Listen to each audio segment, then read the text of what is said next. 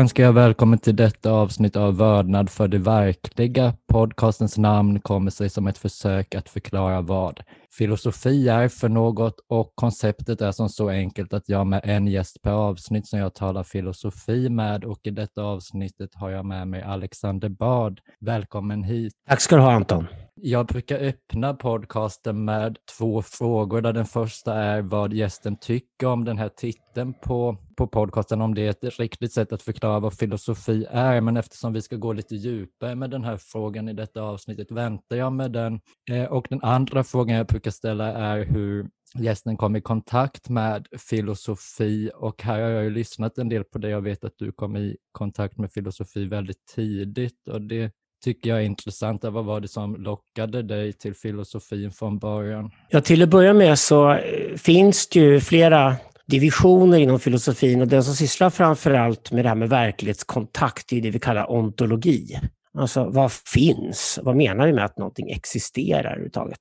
Och så kan man dividera det om det är väldigt eh, mycket fram och tillbaka. Jag brukar alltid skilja mellan ontik och ontologi. Alltså ontologi är någonting som vi sätter ett ord på. Och det kan ju vara en fantasivarelse till exempel. Men ontik eh, brukar man hänvisa till det som har någon form av fysisk eller substantiell närvaro av något slag. Så att, eh, skillnaden till exempel med ett bord och en tomte är väl ett typ, klassiskt exempel på någonting som... En tomte är ontologisk men har ingen ontik, men bordet har både ontologi och ontik. Eh, och, och, den ontiska världen är väl den vi i första hand tänker på när vi pratar med vördnad för det verkliga. Men verkligt kan ju vara så mycket mer än det. Verklighet kan ju självklart vara mycket mer komplext när man börjar titta nära på det, eftersom verklighet är någonting som vi både skapar, ingår i, upplever samtidigt.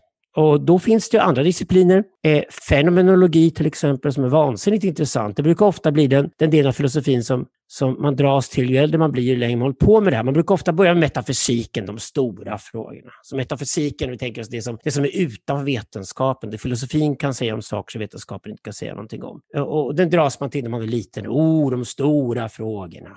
Man tittar upp på stjärnorna i himlen och så ska man lösa all världens problem och så ska man bli en liten prins som är jätteduktig på sådana stora frågor. Men ju mer man håller på med det här, desto, desto mer går man in i de mindre frågorna. Och fenomenologi är så rasande intressant eftersom hur vi uppfattar världen och hur vår uppfattning av världen krockar med vår värld hela tiden. Vi måste ständigt omvärdera vår värld, omvärdera oss själva och vår plats i världen. Det blir en väldigt viktig del av det vi kallar fenomenologi.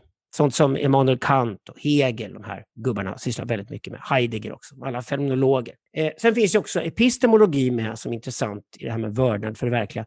Epistemologin är alltså den delen av filosofin som sysslar med eh, vad man kan känna till om saker kunskapslära sig på gammal hederlig svenska. Eh, och det är också en intressant fråga. Vad, vad, kan vi veta om världen och vad är omöjligt att känna till om världen? Jag och Jan Söderqvist har utvecklat ett koncept som vi kallar för principer om explanatorisk stängning. Det låter väldigt bra på engelska. The principle of explanatory closure. Och det här är en viktig princip i naturvetenskaperna, till exempel när man, man förstår att man kan bara observera och interagera med saker som, som, som kan nå med ljuset eller med ljusets hastighet. Men vårt universum som funnits då uppenbarligen i, i en genomsnittsålder, universum på över 14 miljarder år, i vårt universum finns det nu stora delar av universumet som aldrig kommer nå oss eller, eller våra ättlingar liknande. Och då måste vi införa vissa principer som säger att här har vi saker vi aldrig kan veta någonting om. Det, det, är totalt omöjligt att veta någonting om det här, både fysiskt och metafysiskt omöjligt. Och det är till exempel en epistemologisk begränsning. Och det är väldigt intressant när man är tvungen att ge upp vissa grejer och ens hybris tar slut och man inser att vissa saker kommer jag aldrig kunna svara på. Eh, och det är ett exempel på det. Så epistemologi, fenomenologi, metafysik till viss del och framförallt ontologi. Alla de grejerna, som är fyra stora discipliner inom filosofin, handlar om vördnad för eller, eller dealar med det verkliga. Var det det som ledde in dig på filosofi in det mer metafysiska till att börja med? Ja, jag var så sex, sju år gammal, låg och tittade på himlen. Jag hade lärt mig läsa innan de andra ungarna kunde läsa och skriva. Och eh, läste och räknade så det dånade om det. Och jag var liten unge. Och jag hade en morbror som eh, var professor i filosofi och teologi. Och han var som en andra pappa eller en storbror för mig. Så jag hade omgående när jag var liten bra respons hemma om, om att jag skulle ha på mig saker. Min pappa uppmuntrade mig också väldigt mycket när jag var liten. Och så han kallade mig profeten. Mina kusiner kallade mig professorn. Men det, det, fanns, det fanns en sån här uppmuntran från första början när jag var liten med att jag skulle ägna mig åt sådana här saker. Sen var det snarare så att när jag kom upp i tonåren så började jag ställa den här riktiga frågan om det fanns någonting att säga i, i min tidsålder när jag lever. Därför att filosofi är ju någonting man måste, det är ju, det är ju en konstform, så man måste ju syssla med någonting originellt. Man måste ju ha en ny idé eller ett nytt koncept som presenterar på något intressant sätt. Att bara återupprepa vad filosofer har sagt tidigare, då blir man bara en filosofilärare. Och det är samma sak som med konst. Alltså man, kan bli, man kan vara duktig på konst teoretiskt och så blir man säkert en bra konstlärare, men att ha riktig konstnärlig talang eller ha någonting att göra konst om eller av är en helt annan sak. Och det finns ingenting som säger att vi lever i någon filosofisk guldålder bara för att det finns en massa kids som vill bli filosofer. Och då trodde jag nog faktiskt att jag, jag började med teater i, i tonåren och skrev teaterpjäser. Jag trodde nog väldigt mycket jag skulle ha på med det. Att jag skulle ha på med något konstnärligt var givet.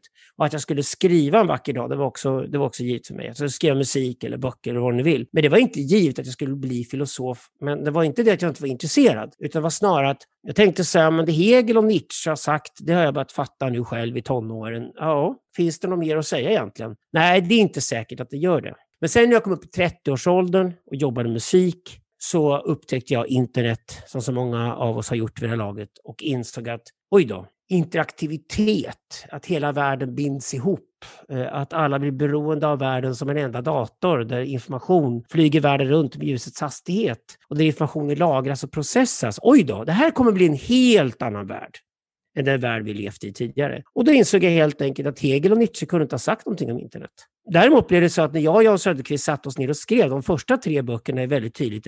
En bok som är vad hade Spinoza sagt om internet? En bok som är vad hade Marx sagt om internet? Och en bok var väldigt mycket vad hade Nietzsche sagt om internet? Så vi använde de stora tänkarna som inspiration för att sedan titta på ett nytt fenomen som de omöjligt kunde ha förutsett och sagt någonting om. Ja, jag tänker att det är en god ingång till vad vi ska tala om idag, för vi tänker tala om detta med vad filosofins plats någonstans är i vår tid. Och här tänker jag att det är bra att börja i just vad innebär ens tid? För det är något jag fängslats av mycket i era böcker, att ni går till djupet så med vad tid är för något och att tid faktiskt är någonting som finns. Det är inte illusionistiskt som det gärna finns en föreställning om idag. Jag tänker på en text av Hanna Arendt som just skriver om det här tidsliga ihop med något väldigt konkret. Hon skriver om i andra världskriget när eh, Frankrike, den tredje republiken, föll på grund av eh, nazisternas övertagande då och att det på något sätt blev att allt det som de hade trott på, hela testamentet som den, den tidigare kulturen lämnade över till nästa generation, att allt det föll egentligen och det fanns ingen plats egentligen för att kunna tillgängliggöra sig det som hade varit. Och det tycker jag påminner väldigt mycket om den tid vi befinner oss nu, att även fast vi kan titta på en tradition som har sagt oss väldigt mycket så har vi ju dels det här med internet, att, att det är något som man inte kunde förutspå och även fast man kunnat förutspå det delvis, inte riktigt i den omfattningen som globaliseringen eh, har kommit att bli och det som väntar oss där, att vi upplever jag det någonstans har fastnat i nuet och att det också gör att vi inte riktigt kan tro på tiden. Så jag tycker tiden är ett, en väldigt god utgångspunkt egentligen att det har den ja, jag, håller, jag håller med dig fullständigt. Alltså det är till och med så att jag älskar naturvetenskap och, och till och med så att om du håller på med fysik eller till och med med subfysik som det heter numera, som vi sysslar med, så eh, är det så att vi inte alls säkra på rummet längre. Det finns något som heter kvantsammanflätning på svenska, eller entanglement på engelska, som är ett filosofiskt väldigt intressant problem. Det vill säga att två partiklar kan befinna sig flera ljusår från varandra och ändå så opererar de totalt i tandem utan att det pågår något informationsutbyte mellan dem. Uh, vilket tyder på att de befinner sig i ett tillstånd där rum inte existerar. Och vi är så vana vid att tänka att rummet är det primära för vi är visuella människor och, och, och, och vi möjligtvis har vi också hörselintryck och, och ljud och, och hörsel. Eh, ljus och ljud är ju väldigt beroende av rummet och, och vi tror rummet är primärt. Einstein gjorde vi egentligen det misstaget han sa att vi har tre stycken rumsdimensioner och så lägger vi till en fjärde dimension på det så får vi rumtiden. Han borde egentligen ha gjort tvärtom.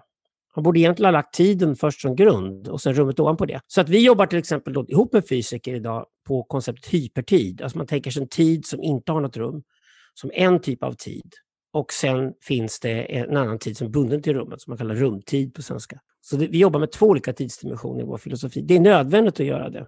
Henri Bergson, den franska filosofen, började med det här redan på 1900-talet. Einstein skrattade ut honom 1932, en väldigt känd debatt i Paris. Men i efterhand har det visat sig att det var ju lille Bergson som hade rätt och Einstein som hade fel. För vi kan inte ens förstå tid om vi inte delar upp tiden i olika dimensioner. Så sånt jobbar vi med. Så vi är tidsfilosofer, eller processfilosofer som det heter. Vi vågar alltså säga att tiden är mer primär än vad rummet är. Och det är ett faktum både från naturvetenskapen att det förhåller sig på det sättet. Men det gör också mycket lätt att titta på oss själva som människor. Det är längs tidsaxeln vi egentligen placerar allting. Och i vår tid så är det ju så att rummet har ju till stor del också försvunnit. Nu sitter vi och har Zoom-konversation med varandra runt hela världen och vi frågar inte ens varandra längre var vi befinner oss mm. på den geografiska kartan. För att fysiska geografin har ätits upp av att allting sker synkront på planeten helt enkelt tack vare att allting idag reser med ljusets eller elektronikens hastighet.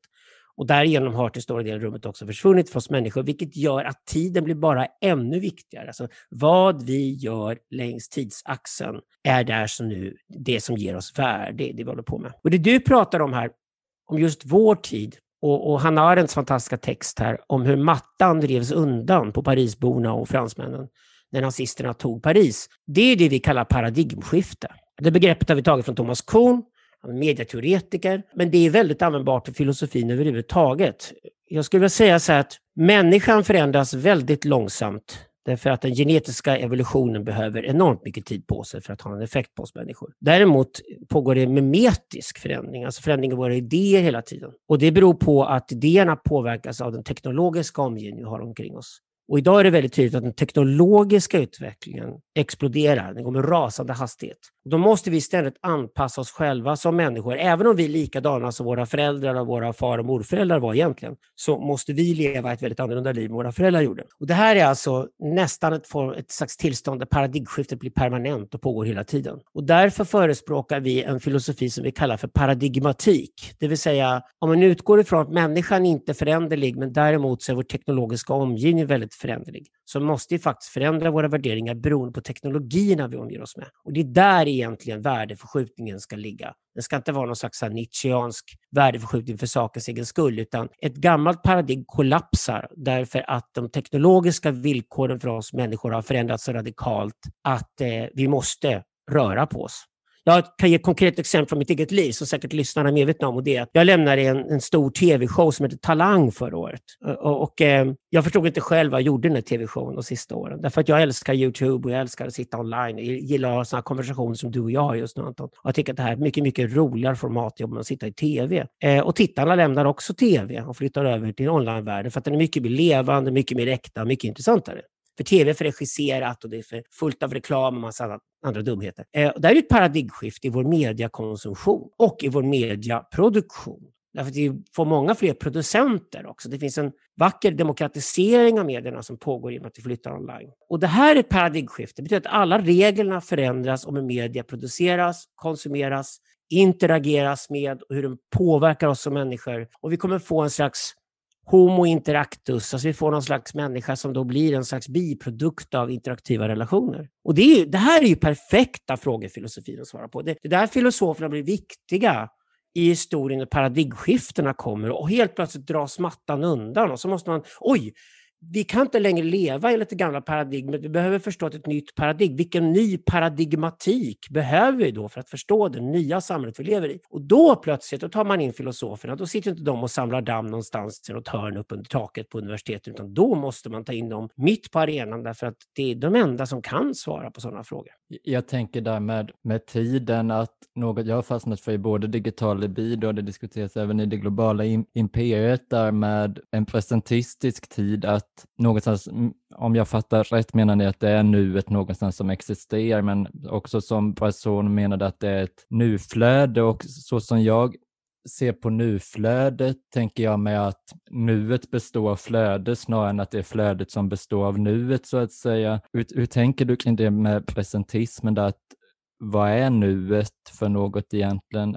Är, är det något annat än någon form av kollidering mellan det som har varit och det som kommer att bli? Det här är superintressant. Nu är vi inne på fenomenologi, verkligen, för det, det är de frågorna det handlar om. Vi jobbar mycket med momenta så ett momentum på latin, vi säger ögonblick på svenska eller augenblick på tyska, också ett utmärkt ord. Men ett ögonblick är liksom att ögonen blinkar, de stängs och öppnas igen. Det går ändå en liten period där. Och går man nu till psykologen och frågar om hjälp, kognitionsvetarna, då säger de att de flesta människor lever med någon slags åtta sekunders radie. Så vi har ungefär fyra sekunder före ett exakt ögonblick och sen fyra sekunder efter som vi uppfattar som hela ögonblicket. Ett momentum av något slag. Så till exempel vår egen Upplevelse, den är beroende av sådana momenta. Vi bygger minnen av att någonting har upplevt någonting tidigare i våra liv. Och så bygger vi som en lång liten sträng mellan de här minnena av att någonting har upplevt någonting. Och ibland kommer vi kanske ihåg ganska exakt vad vi upplevt, för det gav ett starkt intryck. Och ibland hittar vi på i efterhand och lurar oss själva, allt möjligt. Men vi har ändå en idé om att, det blir vagare ju längre bort vi går, men vi har ändå en idé om att ända sedan vi föddes har det funnits någon slags sträng här av jagupplevelser. Och efter ungefär ett års ålder börjar vi kanske komma ihåg några av de upplevelserna också. Speciellt om starkt intryck på oss. Och sen senare i livet börjar vi komma ihåg nästan allihopa och sist, senaste dagen, om inte helt dementa, så kommer vi nästan ihåg allting. Och de här jag-ögonblicken vi upplever, där vi bygger ett jag, som egentligen är en form av att ta sig ur ett problem som inte är löst är den bästa beskrivningen.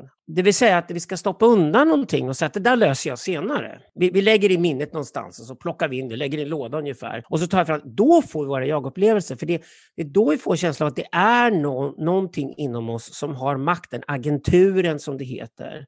Att stoppa in någonting någonstans och komma ihåg att det ligger där för att sen plocka ut det vid ett senare tillfälle och lösa det. Och på det här sättet skapar vi sådana här upplevelser av agentur under en dag som går. Och det här är egentligen våra jagupplevelser. Och sen binder vi ihop en historia om de här jagen. Och det är momenta som binds ihop. Eh, det kallas egomomenta som byggs ihop i en slags tunnel som Thomas Metzinger kallar det här. En slags tunnel som vi bygger. Och det är den vi skapar jag-känslan. Och sen är det ju i dialog med andra människor, då vi blir ett du i deras ögon och vi tillsammans med andra människor blir ett vi.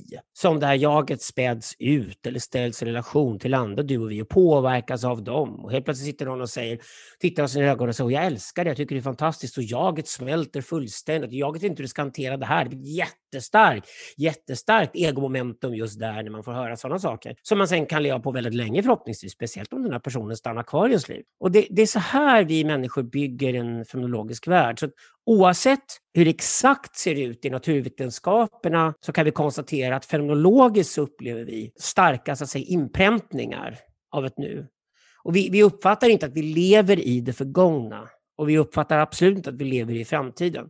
Hegel skriver ju fantastiskt bra om det här först jag läste tänkte jag att, att han hade smitit undan från en svårare fråga och så insåg jag att det var genialt egentligen. Men Hegel säger att vi människor bygger alltid upp en nödvändighet runt allt det förflutna. För oss ser allt det förflutna nödvändigt, nästan matematiskt ut, som att man skulle kunna räknat ut att det som hände skulle hända. Men framtiden är som det heter kontingent. Den är så komplex att den är fullständigt öppen. Det går inte ens att säga om den är deterministisk eller indeterministisk, för det är egentligen ställa fel frågor. Vi kallar det för vi har en transdeterministisk övertygelse, ja, jag och Söderqvist, att, att framtiden är så oerhört komplex och så många saker påverkar varandra så oerhört mycket att det går inte att förutsäga någonting om framtiden egentligen, utan alla förutsägelser om framtiden kollapsar väldigt fort.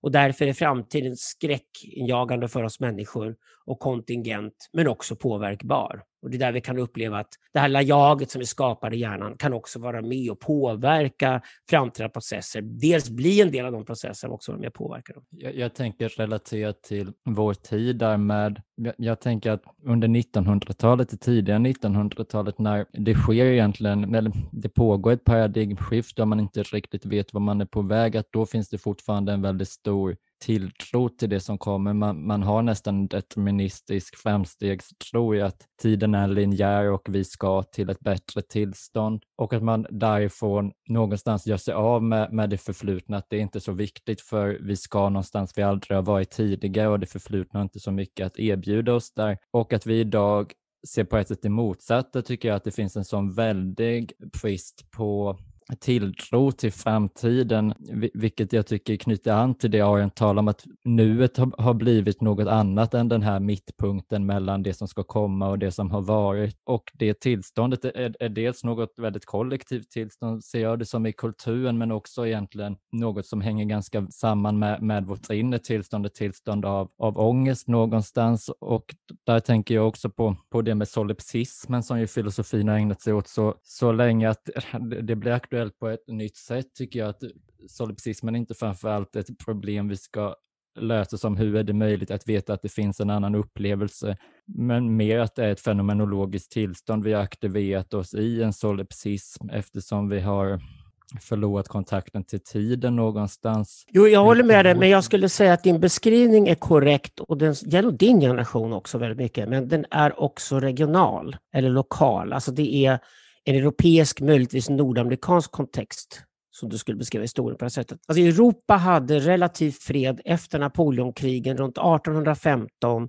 och fram till 1912 hade vi 100 år av bara småkrig. Det var ingenting som störde direkt. Och, och, industrialiseringen rullade på. Man bröt kol och man bröt järn och man byggde fabriker som tusan. Och man födde barn som började överleva. Man fick sjubarnsfamiljer och Europa hade enorm ekonomisk tillväxt plus att man utan något som helst dåligt samvete erövrade tre kontinenter till där man slog ihjäl varenda jävel man hittade. det är inte så att Hitler hittade på att man skulle utrota folk. Det var européerna full gång med under hela 1800-talet och då var det ju Australien och de två Nord och Sydamerika som höll på med. Men eh, tre kontinenter befolkades av europeer och européerna styrde världen via haven. Och små länder i Europa som Storbritannien, Frankrike och senare Tyskland och, och i viss mån Holland eh, hade imperier stora kolonier, mångdubbelt större både yta och befolkningen än de själva. Och det är väl klart att européerna hade storhetsvansinne. Och sen när de kommer fram där till 1912, vi brukar ju säga Titanic i efterhand, apropå det här med att någonting blir nödvändigt i efterhand, men var kontingent när det hände. Och det är ju när Titanic där, som går mellan Europa och USA, går på grund och slår på ett isberg och, och, och sjunker, detta magnifika skepp. Det finns ju en första signal där i efterhand om att det står inte rätt till. Det finns en storhetsvansinne här. Och sen kommer då första världskriget. Som det som Karl Marx brukar säga, det som först blir en tragedi upprepas sedan som en fars. Det vill säga det upprepas en gång till med andra världskriget. Och när vi är framme vid 1945, då finns det i alla fall en ganska bestämd uppfattning om att européerna kunde inte hantera sina framgångar. De sprängde sig själva i tusen bitar och hundra miljoner människor dog och Hitler och Stalin blev konsekvensen av modernismen. Och några judar i Tyskland hade under 30-talet, den så kallade Frankfurtskolan, redan då suttit och kritiserat modernismen och, och sagt att det här håller inte. Det här, van, det här blir vansinne av alltihopa. Det, tron att staten är liksom en perfekt maskin som inte kan göra misstag är upplysningens stora misstag. Och då Samtidigt spränger vi en atombomb den 6 augusti 1945 och samtidigt skickar vi ett satelliter runt planeten 1958. Och där skriver bland annat Hannah Arendt och Heidegger och andra tänkare väldigt mycket om på 50 och 60-talet att vi ser både den här stora bomben explodera, förstår vilken enorm kraft vi har satt igång där som kanske går att tämja för fredliga syften men som framförallt hotar att utplåna mänskligheten i ett atomvapenkrig. Samtidigt som vi är uppe och tittar på rymden. Och det intressanta är uppe och tittar på rymden är att rymden är ju bara kall och enorm. Men vi ser vår egen planet och vi kommer på att vi kan sätta satelliter runt planeten och börja kommunicera med varandra. Så internet är den positiva grejen efter 1958 Samtidigt som alla försök att kolonisera rymden och åka iväg till andra planeter har gått åt skogen, för det blir alldeles för dyrt och komplicerat och människokroppen klarar inte av rymden, för den krymper bara ihop. Så att vi har lärt oss både vad vi inte kan göra och vad vi kan göra under 1900-talet, men modernismen som projekt har ju visat sig vara en, en falsk historia och eh, utan att ta ifrån Europa alla enorma framgångar som Europa ändå haft och all teknologi som utvecklats här som hela världen har nytta av idag och att USA är liksom en oerhört framgångsrik kulturnation idag. Och ett resultat av det här så, så, så har vi en annan dialog med resten av världen. Så jag kan inte riktigt köpa att vi kan sitta och regionalt liksom prata om våra mentala tillstånd i Stockholm och, och existentiella problem här våren 2021 längre. Jag brukar alltid säga att vad som är uppenbart för mig Söderqvist när jag började skriva att vi tillhör den här generationen filosofer som inte kunde börja med grekerna. Du kan inte ignorera Indien, Kina, Persien. Du kan inte längre ignorera afrikansk kultur, afrikansk idéhistoria. Jag satt och gjorde en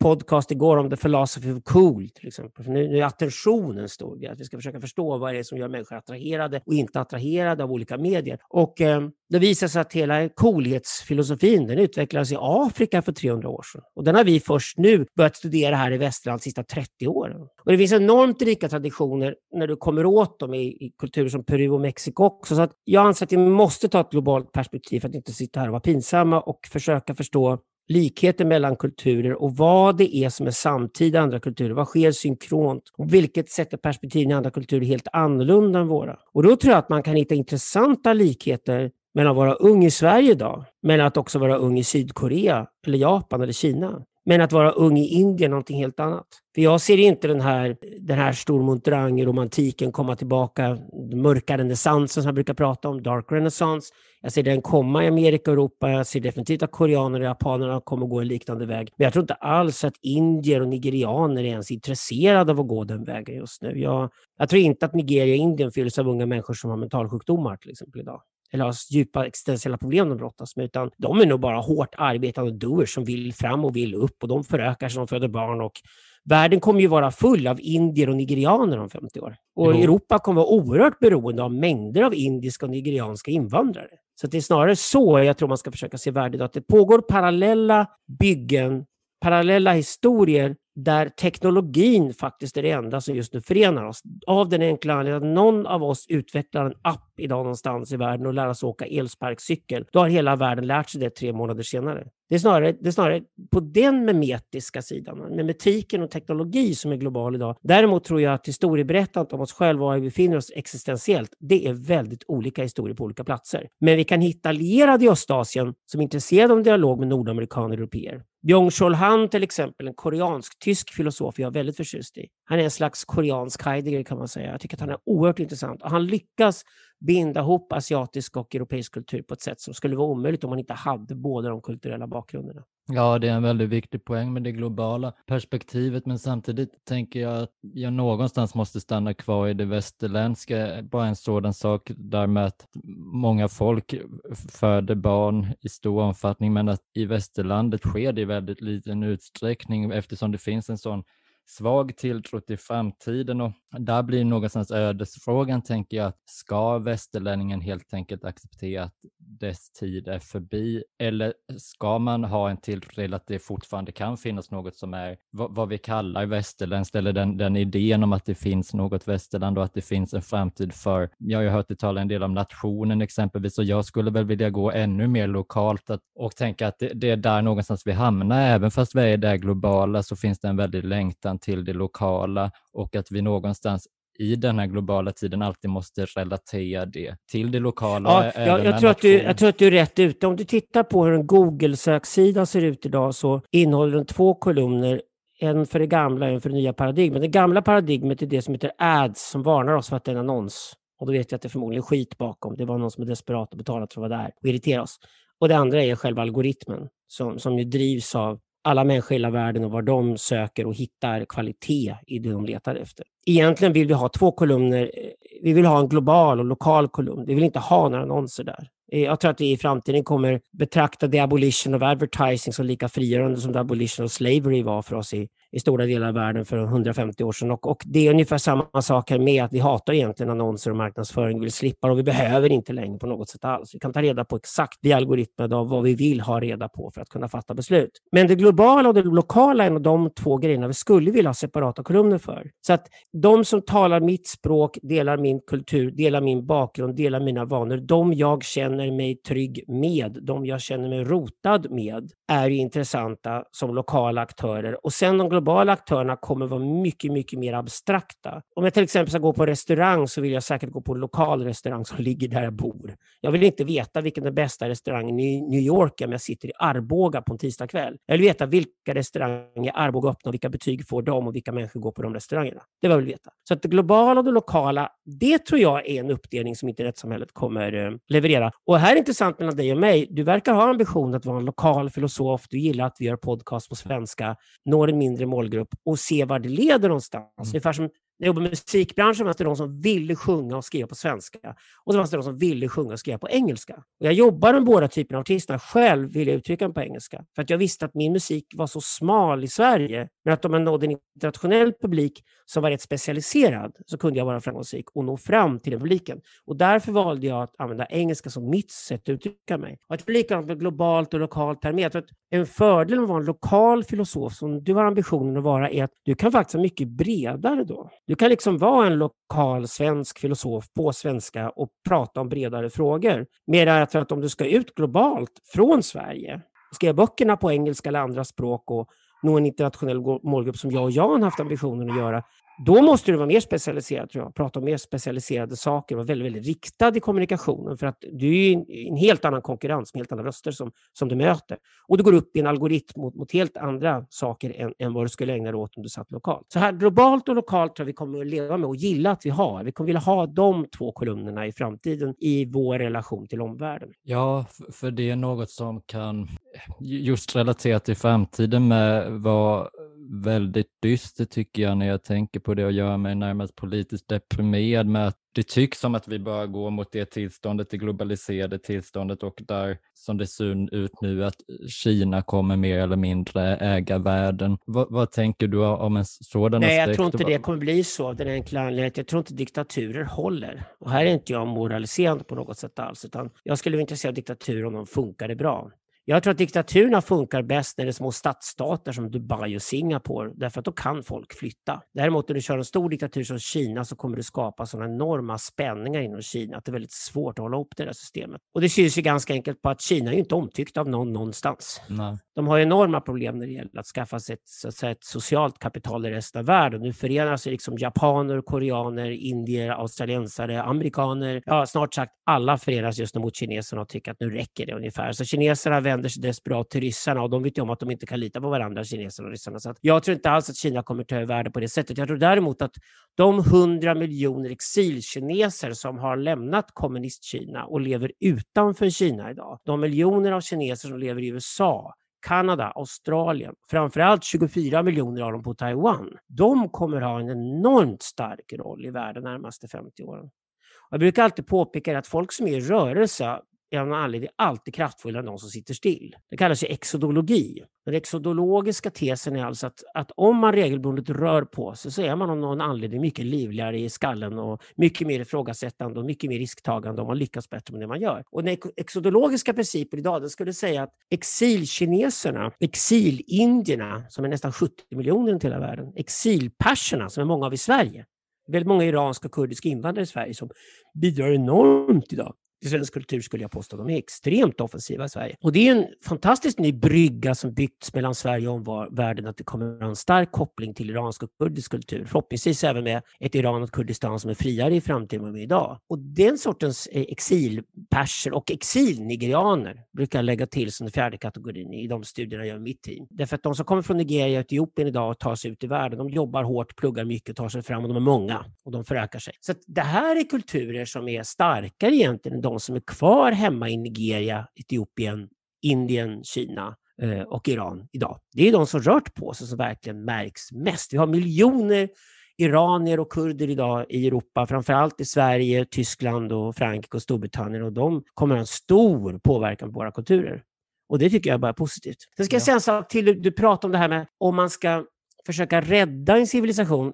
Ja, det är perserna som är de första som tänkte den tanken för 3700 år sedan. Det är ju zoroastrier och det är zoroastrier som kom på idén att det kan komma en figur i slutet av en civilisation när den är som mest dekadent och inte klarar av att föröka sig längre och inte orkar göra det, liksom, när, den, när, den, när den är på väg att dö, då kan det komma en sociant. Och sociant är en slags funktion egentligen. Det kan, det kan vara en enskild person, det blir ju messiasfiguren som judarna ärver från perserna. Judarna lånar den här idén om sorcianten och döper om den till Mashaya, som det heter på hebreiska. Mashaya då, det är i, i judarnas fall en nationell räddare, hos, hos, hos eh, perserna var det en universell kulturell räddare av imperiet, alltså hela kulturen skulle räddas. Och sorcianten, intressant nog, det är en figur eller en funktion, det kan alltså vara en serie figurer. Säg till exempel en filosofisk skola som dyker upp och varnar västerlandet för att det kommer att gå åt skogen här om vi inte får kvinnorna att vilja föda barn igen.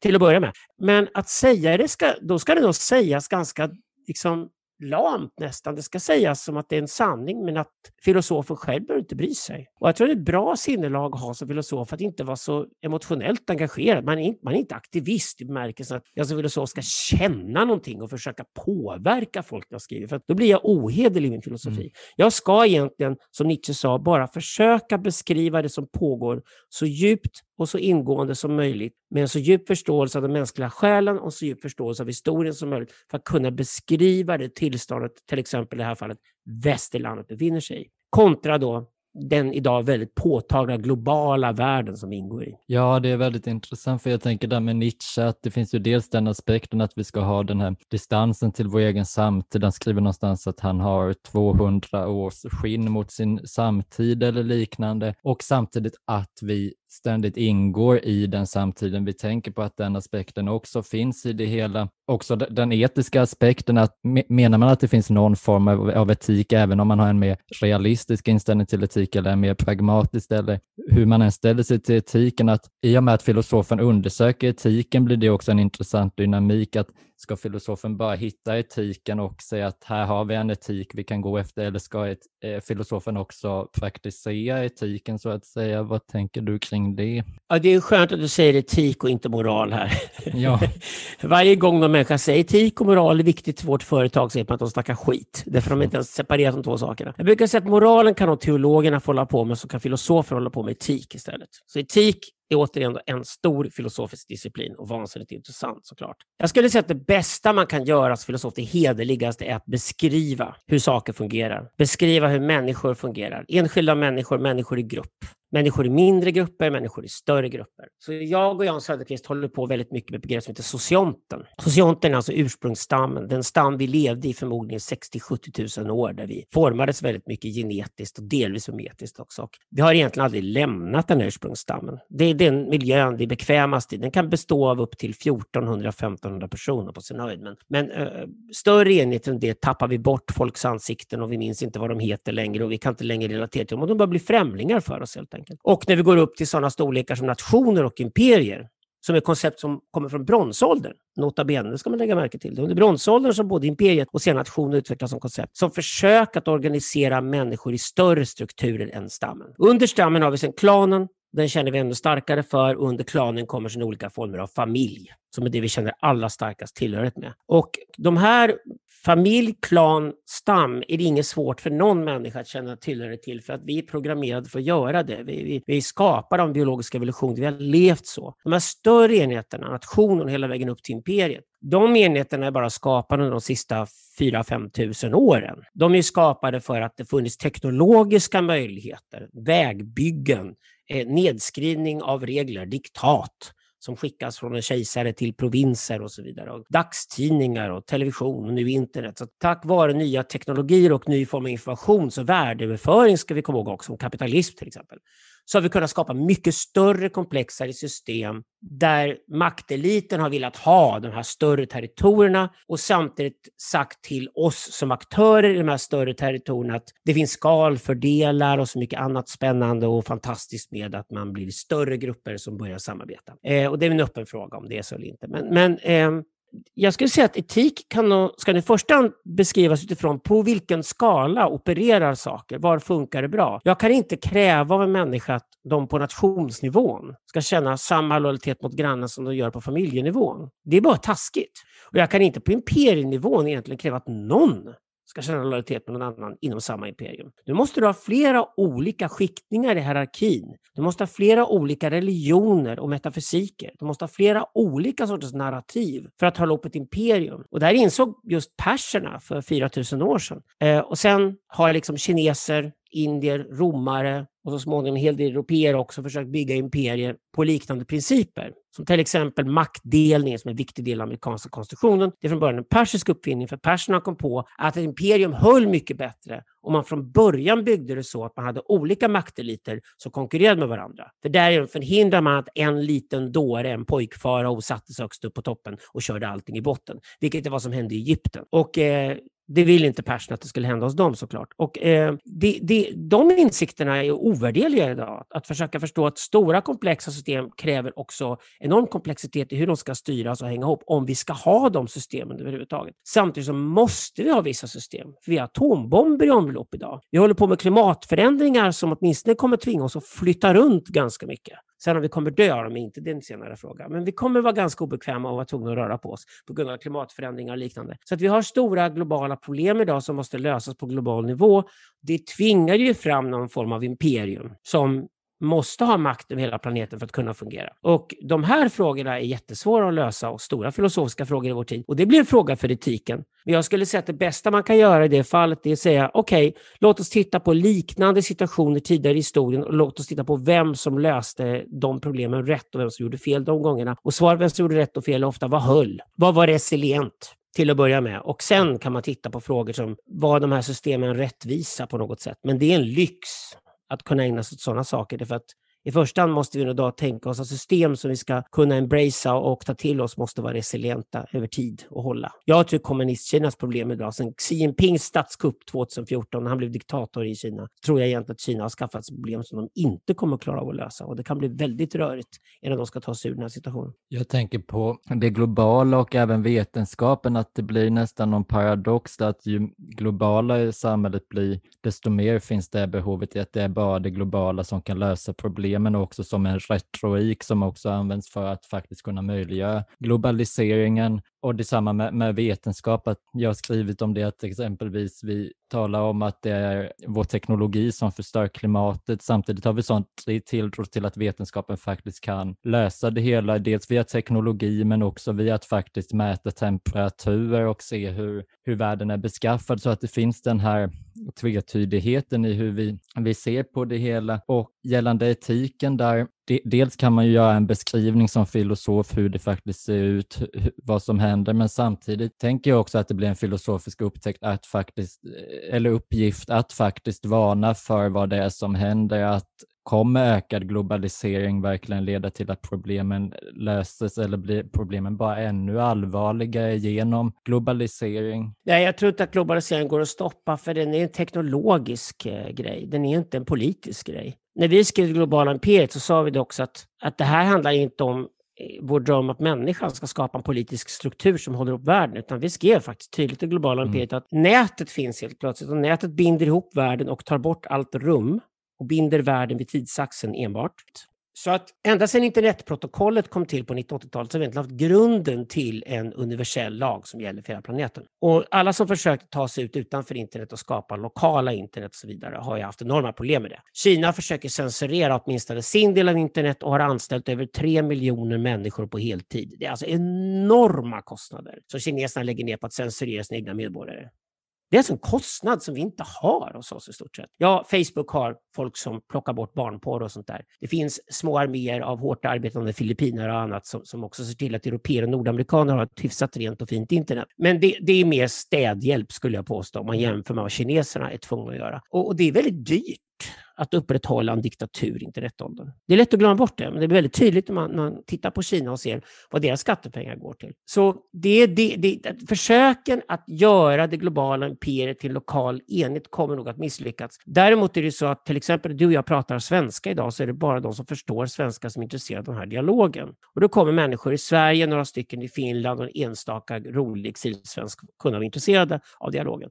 Då har vi lokaliserat oss själva genom att använda ett lokalt språk för att uttrycka oss och ingå lokal dialog. Och den sker faktiskt i ett slutet rum för resten av världen. Och den sker till och med bakom ryggen på alla engelsk, tysk och fransktalande människor som inte orkat bry sig om att lära sig svenska. Så det kan finnas många fördelar med att göra det. Och det här att ha ett lokalt språk och, och samtidigt prata globalt språk som vi gör i Sverige idag, att ha både engelskan och svenskan som jag tycker båda borde vara officiella språk, tycker jag är jättesmart. Jag brukar säga att de smartaste människorna jag träffat i Nordamerika alla bott i Quebec. Och det är bara att i Quebec måste man lära sig både franska och engelska. Och då tänker man bättre än man gör om man bara kan ett språk, vilket är amerikanernas ständiga dilemma. Så det finns fördelar med att leka med det här globala och lokala fram och tillbaka, men vissa frågor är globala kommer vara det. Klimatet är, det är inte ens en fråga längre om att lösa ett problem. Klimatet handlar om att vi för första gången vet vad klimat är. Det är teknologin som, som fick oss att sätta ut sensorer runt om planeten och upptäcka klimatförändringarna. Och i nästa steg kommer vi förmodligen upptäcka att klimatförändringar har alltid pågått. Och då är frågan, okej, okay, vilken sorts klimatförändringar som pågår idag? Hur mycket orsakar människor den? Hur mycket orsakas den av andra fenomen? Hur, hur, hur funkar hela det här systemet? Hur funkar hela den här komplexiteten? Och det finns bara en lösning på det och den är teknologisk, det är inte sensokrati. Vi måste ha sensorer överallt på hela planeten för att veta. Vi kan inte fatta stora, tunga beslut om hur vi ska göra med sjöfarten i Arktis om vi inte har en aning om hur Arktis kommer se ut om 40 år. Vi måste veta de sakerna. Vi måste veta om det finns faktorer i naturen idag som balanserar upp klimatförändringarna och kanske stoppar dem plötsligt en viss punkt. Finns det sådana tipping points som vi inte har räknat med som kanske räddar oss rent av? Alltså det enda sättet att kunna hantera klimatförändringar att veta mycket mer än vad vi vet idag. Och här kan egentligen alla vara överens om att det är den första teknologin måste användas till, att skaffa oss bättre kunskap. Det som brukar kallas det prästerliga uppdraget. Kunskapsinsamlingen måste göras där. Alltså den prästerliga delen av viljan till makt är alltid viljan till intelligens. Vi är för dumma idag. Idag, idag, idag är vi dumma när vi ska fatta beslut om klimatet, vilket vi, vi fattar fel beslut, förhastade beslut, eller vi undviker att ta beslut överhuvudtaget, så vi har inte tillräckligt bra beslutsunderlag. Eh, och det går inte. Det kommer inte att funka. Så mer kunskap är absolut nödvändigt. Och det är faktiskt teknologi som hjälper oss att få den kunskapen. Sen är ju frågan om det är ytterligare drastiska teknologiska lösningar, alltså risktaganden, det chansningar, som sen gäller i nästa steg. Och det här är ett perfekt exempel på det kärnkraftsutbyggnad. Vi har idag fjärde generationens kärnkraft. Den är inte alls som den första andra generationens kärnkraft var. Man numera bränner upp igen avfallet som man förr var rädd för att skulle lagra i urberg och sånt där. Men på grund av två namn, Tjernobyl och Fukushima, så finns det nu så inpräntat i vårt sociala psyke att att kärnkraften är farlig, att den är människan som leker Gud, samtidigt som vi ställs emot att kärnkraften idag är en ändlig resurs som kommer räcka under lång tid framöver med uran och torium, men framför allt inte håller på med några utsläpp av växthusgaser, vilket är just det mest akuta problemet, i alla fall enligt nuvarande trender inom klimatforskningen. Så att där ställs emot sådana här dilemman som jag tror man som filosof bara kan vara ärlig och säga, okej, okay, här är fakta. Liksom. Så här, här, här är det man gamblar med. Här är ungefär den riskbedömning man kan göra. Och man måste också påminna människor om att många gånger i historien har också riskundvikandet varit det farligaste av allt. Och jag skulle påstå att det är det jag är mest rädd för i den kultur vi lever i idag. Att, att fallus, som vi säger, jag och Jan har försvunnit helt att vi lever i en kultur som är så extremt riskundvikande att den har gjort riskundvikande till sig till en dygd. den har gjort konfliktundvikande till en dygd istället för att våga ta konflikter som måste tas. Och det är djupt problematiskt tror jag. För då fattar man absolut inte rätt beslut. För blir man till slut så riskundvikande att det får inte finnas någon risk överhuvudtaget, ja, då föder man heller inga barn. Nej. Och det är faktiskt tecknet på en kultur som håller på att ta livet av sig själv, att den inte längre vill ta några risker överhuvudtaget. Så det, det, bästa man kan göra idag är att skriva bra historia, djup historia, stor historia, eh, historia om de sista 5-10 000 åren och zooma in på detaljer i historien som kan säga väldigt mycket om den tid vi lever i idag. Och sen också skriva om historien och göra den korrektare. För historien innehåller så många falska påståenden som vi behöver städa bort idag. Så mm. det, det, vinner vi också på, att, att, skriva om historien och göra den bättre, djupare historia vi haft tidigare. Det är det bästa redskapet jag tror vi kan ha idag, filosofiskt, för att försöka förstå tiden vi lever i. Det är väldigt intressant det med att det krävs teknologi för att faktiskt dra reda på hur det ser ut med klimatet och där tycker jag det är något tragiskt i att det just är klimatet som fått stå stort utrymme och att det blandas egentligen ihop med miljöfrågan. Jag tänker som på en sådan sak att om jag inte missminner mig, att 93 procent av alla andra djurarter än människan som existerar idag, över fem kilo eller något sådant, är domesticerade. Och det kan man ju säga att det hotar ju inte människans eh, framtid egentligen, men där kommer kanske estetik in också i att det blir någonstans vi lever i en ful tid och att en ful tid är också något väldigt farligt, eller i alla fall ett symptom av något som är väldigt farligt. Och där tänker jag också... fast är den ful, är det inte snarare jag hatar den här kampanjen att man ska bygga som folk vill att det ska byggas. Det startas mm. en sån kampanj i Sverige nu och då glömmer man alltid bort att folk har alltid bråkat om nya arkitekturer när de kommit. Och ger man inte arkitekterna ett rejält blanche card här bara och säga bygg, liksom. bygg det ni vill bygga. Bygg, ni är ändå begåvade. Vi har valt er som arkitekter, ni är utbildade till det. Eh, gör man inte det så står historien bara still och då kommer den bara bli navelskårad till slut och till slut bara upprepar den sig själv. Den, den fastnar i vad jag kallar den nomadologiska cirkeln som vi ändå tog oss ur liksom, när vi lämnade hedendomen. Poängen med den var att vi kan bygga världen annorlunda än vad den var igår och bara det faktum att den är annorlunda är i sig något gott. Det som Gilles Deleuze säger att det finns någonting briljant i förändring av den enkla anledningen att det vi redan har gjort, har vi redan gjort. Det finns ingen poäng med att upprepa det i sig. Och jag tror att i vår tid så blir det en romantik runt det nomadologiska utan att inse hur farligt det är att fastna i en loop där man bara upprepar samma saker om och om igen. Och, och estetik då är ett perfekt exempel på det, för det blir estetiken att alla hus ska se ut som Paris 1895. Det har blivit någon slags standardkliché, för alla mm. Disneyfilmer ser hus ut så. Och så vill man ha sådana gator i Sverige, där vi inte ens byggde så på 1890-talet. Mm. Det är där det landar, när man frågar folk hur de vill ha sina hus byggda. De vill ha mycket dekorationer och lite tjusigt utanpå. Sen glömmer de bort att egentligen består huset till 90 procent av inredning. det vill säga var man drar sladdar och var man drar avlopp och sånt där, en stor del av världsstrukturen som vanliga människor inte har några uppfattningar om, för de har inte tänkt på det, för det har mm. liksom magiskt städats bort i deras värld. Jag skulle snarare säga att jag är väldigt mycket för det falliskas återkomst. Jag gillar ju att åka till de delar av världen man bygger skyskrapor och vågar bygga nytt och vågar ta ut gränserna och vågar ta risker och bygga. Jag gillar handelsvägar. Jag gillar att det skapas bisarra välstånd längs handelsvägarna och jag gillar att folk längs handelsvägarna bygger galna saker. Det brukar ändå vara de historier som blir absolut intressantast i efterhand. Det är Venedig vi tittar på när vi ska titta på det moderna Europas födelse. Vi åker dit och ser Venedig och det är bara helt fantastiskt. Och det, man åker man till Mellanöstern, man åker till Kairo, man åker till Bagdad, man åker till Damaskus, man åker till de här gamla stora handelsstäderna som funnits i tusentals år och man bara börjar pilla lite grann i marken och hittar hur mycket historia som helst vart man än går och man tycker bara wow, det här är fantastiskt. Varför då? Därför att det här är städer som ligger vid floder och längs med floden handelsvägar har gått under tusentals år och folk har drivit fram och tillbaka och, och, och ja, det har kommit pandemier också. Ja, det har kommit krig också, men i stort sett är det på de här ställena i världen som den intressanta kulturen har skapats. Den har inte skapats av folk som isolerats mot omvärlden, stängt världen om sig, låst in sin puppa, varit rädda för allting nytt och bara velat haft en upprepning av det hela tiden. Jag bor på Södermalm i Stockholm och det finns en grotesk byggnad här som heter Haglunds pinne. Och det, den ritades som början av modernistiska arkitekter och så blev det en folkstorm på Södermalm med gamla Södermalmsbor, krukmakarkärringar och gamla avdankade Dramatenskådisar som gick ut och demonstrerade mot den här vulgära penisen som skulle byggas för torget och så kapar man den mitt på bara helt plötsligt. Och varje gång man går förbi Agnus penis så slås man av hur felproportionerlig lilla byggnaden är. Det kan inte funnits någon estet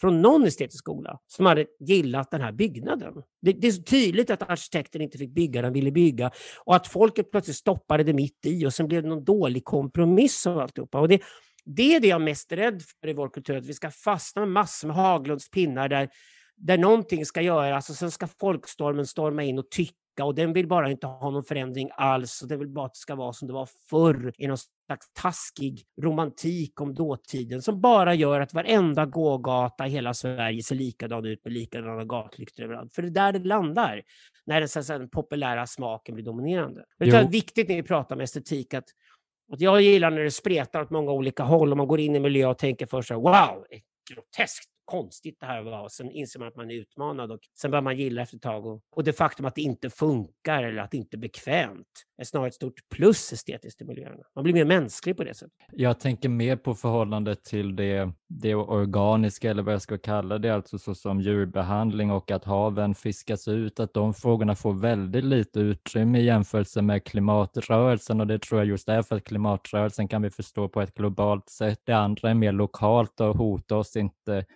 så i grunden, och det tror jag också är ett väldigt problem när klimatrörelsen talar om, vi relaterar det till det vi sa om tid, att det, det som talas om med klimatet, all den här data man visar, den relaterar till en vetenskaplig tid, men en vetenskaplig tid är något helt annat än en levtid. Människan kan inte riktigt fatta att vi kommer gå under om hundra år, för vi har inte den här levda tiden. Det vi först måste etablera tror jag är något mer lokalt eller fenomenologiskt. Vi måste faktiskt bottna i tiden på ett annat sätt och, och egentligen först då kan vi förstå det globala någonstans. Jag, jag anser att environmentalism som det heter idag är en extremt omogen skola. Jag, jag har läst Timothy Morton och hans Dark Ecology och jag, jag har läst alla de här environmentalistiska filosoferna som är ofta heideggerianer och som problematiserar om klimatförändringen som att det är den största mänsklighetens historia. Jag blir trött på dem för att de missar alla de frågorna du just pratar om. Jag tillhör själv den skola som kallas ekotopianer istället. Och, eh, ekotopianerna säger är att nu har människan satt sig in på en bana för 4-5 tusen år sedan med teknologisk utveckling. Och det intressanta är då filosofiskt att tänka sig varför fullbordar vi inte de projekt vi startade? Det vill säga om jordbruket var en revolution, agrikulturella revolutionen, varför gör vi inte agrikultur av hela planeten? För det är det vi ändå måste göra till exempel. Om vi ska, om vi ska ha en urskog så gör vi en nationalpark för en urskog. Och så vi har ett område avgränsat för det här och på det området så lämnar vi djur och växter i fred och griper inte. För det är, det är, ett väldigt vackert område, perfekt för det. Vi har inte någon jättestor nytta av att göra någonting annat på det området. Och, och då, då, då, avgränsar man det. Och sen har man ju en form av skogsvård eller viltvård eller liknande runt området i alla fall. Så vi går emot att bygga hela planeten till det jag och Söderqvist kallar för Guds trädgård. Garden of God. Alltså det, är bättre att tänka att vi fullbordar agrikulturen och inser att, att vi har haft stora vilda områden som människan inte hade någon effekt på, eller till och med kontinenter som inte var bebodda vad vi vill. Den perioden är över historiskt. Det har vi också haft. Vi har haft det förut. Vi kanske inte behöver ha det igen. Och istället att fullborda The Garden of God är någonting vi förespråkar. Det heter ekotopianism. Och många, många som har haft bakgrund i miljö, och klimatrörelsen och pluggat och investerat sitt liv och sin karriär i det, tycker den här ekotopianska idén är så mycket, mycket intressantare idag. För det handlar om direkta praktiska lösningar på de akuta problemen. Men det handlar också om att föreställa sig att man fullbordar någonting som redan är påbörjat, vilket är mycket, mycket lättare. Det är mycket bättre att peka ut en sån här trajektori, liksom en sån här väg, att här för 4000 år sedan började en rörelse. Och sen med lite stopp på vägen och lite hinder så har den i stort sett rört sig framåt fram till nu och den går att fullborda. Och då ingår sådana saker som viltvård i det. Och då kan du studera till exempel hur man tröttnade på 1700-talet i Europa på de franska parkerna. Det var väldigt arbetskrävande franska parker, för det var helt enkelt perfekta små blommor. Eh, ungefär som man klipper pudlar. Liksom. Så man, eh, perfekta små blommor planterade i långa, långa rader med väldigt mycket färg överallt. Och, så där. och Det var väl okej okay om man liksom var kejsaren av Frankrike och ägde hela Versailles. Då kunde man kosta på sig franska parker, men det blev väldigt dyrt och de var ganska små. Och då kom man på att man kunde ha parker som man förställde sig, att man gjorde parker som låtsades vara vilda istället. Och då kom de engelska parkerna på mode. Och jag tycker att just den här skillnaden mellan fransk och engelsk park är en bra jämförelse på hur vi måste idag se att hela världen blir en engelsk park. De franska parkerna till exempel med högproduktivt jordbruk, men man behöver inte ha hela planeten och stora ytor kan man i sådana fall göra med som engelska parker. Men att hela planeten så småningom måste ingå i det globala imperiet och ha kontrollerat klimat. Även om vi ska undvika nästa istid om 20 000 år så måste vi förr eller senare bygga en teknik optimalt för mänsklig överlevnad. Det är klart att då blir planeten ett zoo, men det är ett zoo i alla fall med stora ytor för djur att röra sig på och då självklart säga att, att det får vara en viss kostnad för planeten. Det, det, det är den sortens kalkyler du gör när du driver en trädgård helt enkelt.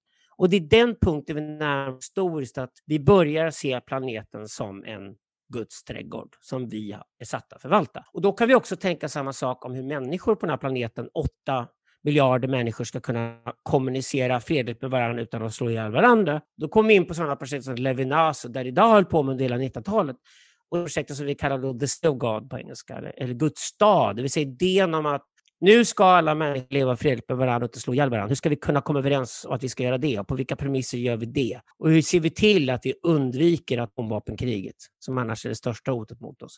Det är också en fullbordad revolution. Det är faktiskt fullbordad av industriella revolutionen. Den industriella revolutionen var också den urbana revolutionen. Så vi tar en rural revolution, agrikulturen, och så tar vi en urban revolution, industrin, och ser att de paradigmen ska fullbordas under det digitala paradigmet. Då får vi ekotopianismen. Och, och där blir det också, tycker jag, att klimatrörelsen skär bort så många band till framtiden så att den inte kan bli levd. Bara en sån sak som att som finns såväl inom ekofascism som med den vänsterorienterade klimatrörelsen att man har så negativ syn på barnafödande. Men om man inte tänker sig att barn ska finnas i framtiden, vad blir framtiden för oss då? Blir den ens ett begripligt begrepp för oss i så fall? Så, så det är så olyckligt att man har börjat i klimatet istället för att börja i i miljön tycker jag. Ja, där är också ett gammalt paradigm som lever kvar, att befolkningsexplosionen som ansågs extremt problematisk för 50 år sedan fortfarande skulle vara ett problem. Det är den inte. Vi har ett större problem än åldrande befolkning i världen idag. Vi har ett problem med svält på det sätt vi hade 50 år sedan heller. Vi har problem med diabetes och fetma idag i fattiga länder. Så att världen förändras och det menar jag med paradigmatik.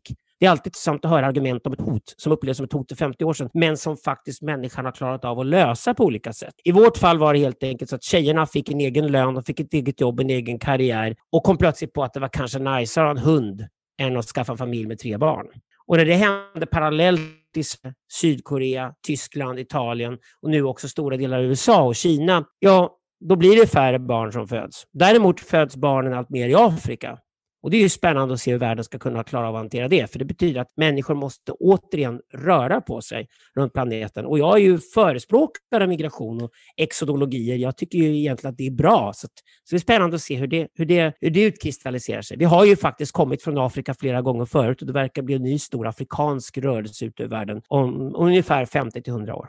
Det är för övrigt en intressant ny imperialism där att istället för att titta på problemet att det finns en livsstil som är destruktiv, som baseras i konsumism, att det fokuseras väldigt mycket på att det föds för många barn i Afrika när det delas ut preventivmedel och liknande till afrikaner. Som Hans Rosling exempelvis. Och det blir någon, någon väldig dissonans att det, det ska och vara... Fast det, problemet är det här om vi ska vara ärliga, rent pragmatiskt så är det så att vi vet att en kultur där kvinnor föder två barn per kvinna liksom är en kultur som upprätthålls i längden, alltså blir resilient. Vi vill inte ha en befolkningsexplosion igen, för det finns ändliga resurser på den här planeten. Och samtidigt är det så att i Nigeria i Afrika till exempel, föder kvinnorna... De kvinnorna hinner inte göra någonting annat än att föda de här barnen och deras män hinner knappt hålla barnen ovanför ytan. Och fem av sju barn kommer att vara i fattigdom resten av sina liv. Ett barn kanske lyckas ta sig utomlands, ett barn får en högre utbildning. Det man hoppas på i alla fall. Och då är det klart att om den familjen kunde ha tre barn istället för sju barn kommer hela familjen, föräldrar, barn, alla klara sig bättre. Ungarna får bra mat och de växer upp, allting. Det finns, det finns så många fördelar. Problemet är bara att man väl har satt igång den rörelsen och folk flyttar in till stora städer och plockar upp en annan livsstil och så blir de dagens västerlänningar, det vill säga att narcissismen kommer farande och självförverkligandet blir ett stort projekt och sen spricker det och då håller man på med terapeuter i resten av sitt liv, går i terapiindustrin alltihopa, då hinner man inte föda några barn. Eh, och då får du de låga födelsetal som vi har till exempel i Sydkorea och Italien idag, där Födelsetalen är nere på 1,4 barn per kvinna. Det är alltså länder som redan idag håller på att tappa befolkning. Tyskland och Japan krymper redan mm. idag. Och eh, det är det vi har framför oss. Men det är, jag tycker att det är spännande. Det föds barn så det räcker resten av världen. Och jag tycker att Bangladesh kan lika gärna få Sibirien om ryssarna inte vill ha det. jag tycker det är bättre att titta på världen på det sättet. Att sätta folk i rörelse, varför skulle det vara problematiskt? Vi har ju rört oss nästan hela historien och vi klarar utmärkt av att röra på oss och bygga nytt. Så varför skulle vi inte kunna göra det? Ja, jag tänker två aspekter där. Dels med detta, det tycker jag blir en etisk fråga om man har så här mycket resurser som vi ändå har, att då säga att barnafödandet egentligen är ett problem, det tycker jag blir något besynnerligt. Och de här kulturerna är ju ytterst patriarkala kulturer där kvinnan förväntar sig att enbart ta hand om barnen. Man hade ju kunnat organisera det på ett annat sätt som ligger närmare det lokala och flocken så att säga, där flocken är med i att ta hand om barnen på ett annat sätt. Men vi har ju inte riktigt de här skyddsnäten, vilket blir så märkligt att trots den här rikedomen så lever vi som om vi levde i fattigdom. Och sedan tänker jag också gällande det globala, att det, precis som du säger, det är ju naturligt att, att vi rör på oss, men samtidigt tror jag inte man ska underskatta att det kan bli förödande i, i, när det är en globaliserad tid där rörelsen ser ut på ett helt annat sätt i och med att vi har sådana färdmedel som gör att vi heller inte riktigt bottnar i det lokala. För jag tänker på alla de här problemen jag skulle kunna rada upp som jag ser i samtiden, att vad de i slutändan går tillbaka till tycker jag är att vi lever i en för globaliserad värld där vi faktiskt inte bottnar i våra handlingar. Vårt arbete hänger exempelvis inte ihop med vår överlevnad och det tror jag gör människan galen till slut. Det sista tror jag absolut på. Det, det finns en viktig princip där som heter kontributionsprincipen och den är att den människa som inte känner att de får delta, kontribuera till socionten, alltså kontribuera till samhället eller till, till den gruppen de känner lojalitet mot. Den som inte får kontribuera blir ofta galen det helt enkelt. Och eh, det är sant faktiskt. Det, det, är sant. Jag tycker det är ett hemskt ord, att liksom bara sitta och döda tid med någonting att göra.